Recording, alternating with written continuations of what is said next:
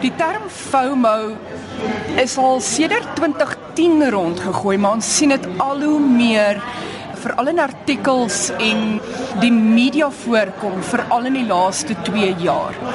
Die rede daarvoor is die groei van sosiale media. Nou FOMO, fear of missing out, is natuurlik gebaseer op die beginsel dat ek wil deelneem in alles wat moontlik is. En daar's positief en negatief wat daaraan verbonde is. Want jy kan nie aan alles deelneem nie. Jy kan nie aan alles deelneem nie.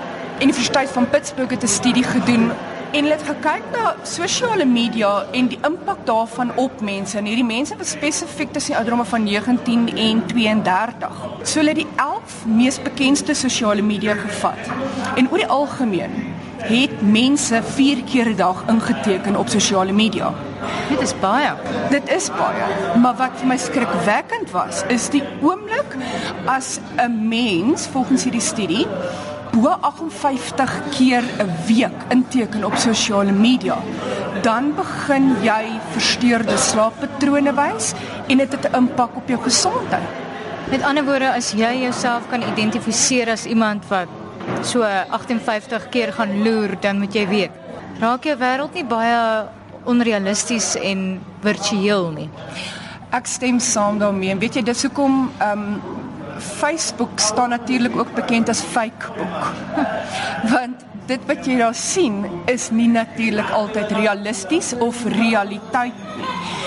Facebook as 'n sosiale medium is ontwikkel vir spogteleindes. Dis nie ontwikkel vir akkuraatheid nie. Dis die fotoalbum. Dit is presies die fotoalbum en dis waar ons nou is. Dis is um, jy weet die millennials sal sê as daar nie 'n foto daarvoor is nie, het dit nie gebeur nie. En dis hoekom ons tans die tendens hierdie jaar sien fear of living offline.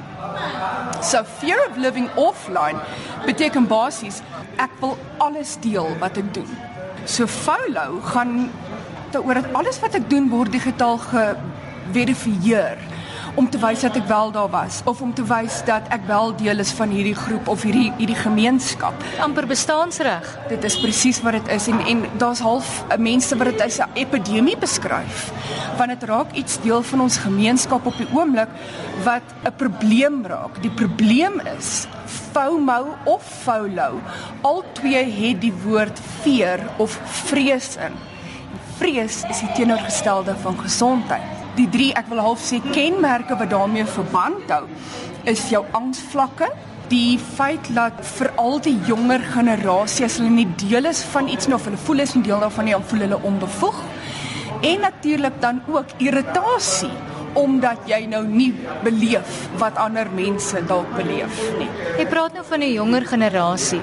Meestal die millennials, so ons kyk na daai 18 na 35, maar ek moet sê meeste van die studies wat ek tans op lees, as hulle kyk na FOMO navorsing, fokus tot op 50 jaar oud. Hulle maak seker hulle steekproewe sluit daai mense tot op 50 jaar oud in.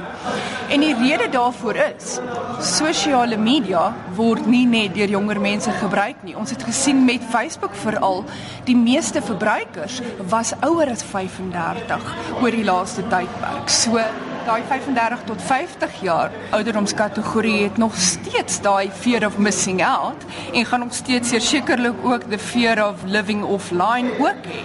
En as mense wat baie artikels skryf en boeke skryf oor wat doen ons hieroor? Hoe bly ons gesond in hierdie hele fear or, or living offline, fear of missing out. Keer op keer goed wat deurkom is jy moet net besef dat jy nie alleen is nie. Twee word daar voorgestel dat jy wel jou foon moet afsit as jy gaan slaap. Spesifieke mense sit dit af vir 'n uur of 2 'n dag. Nou gaan dit seker vir jou vreeslik klink as ek vir jou sê sit hom af vir 'n dag. Nee, presies. Sit hom af vir 'n dag en ek is verlore. Dit voel asof ek letterlik van die aardbol af gaan verdwyn.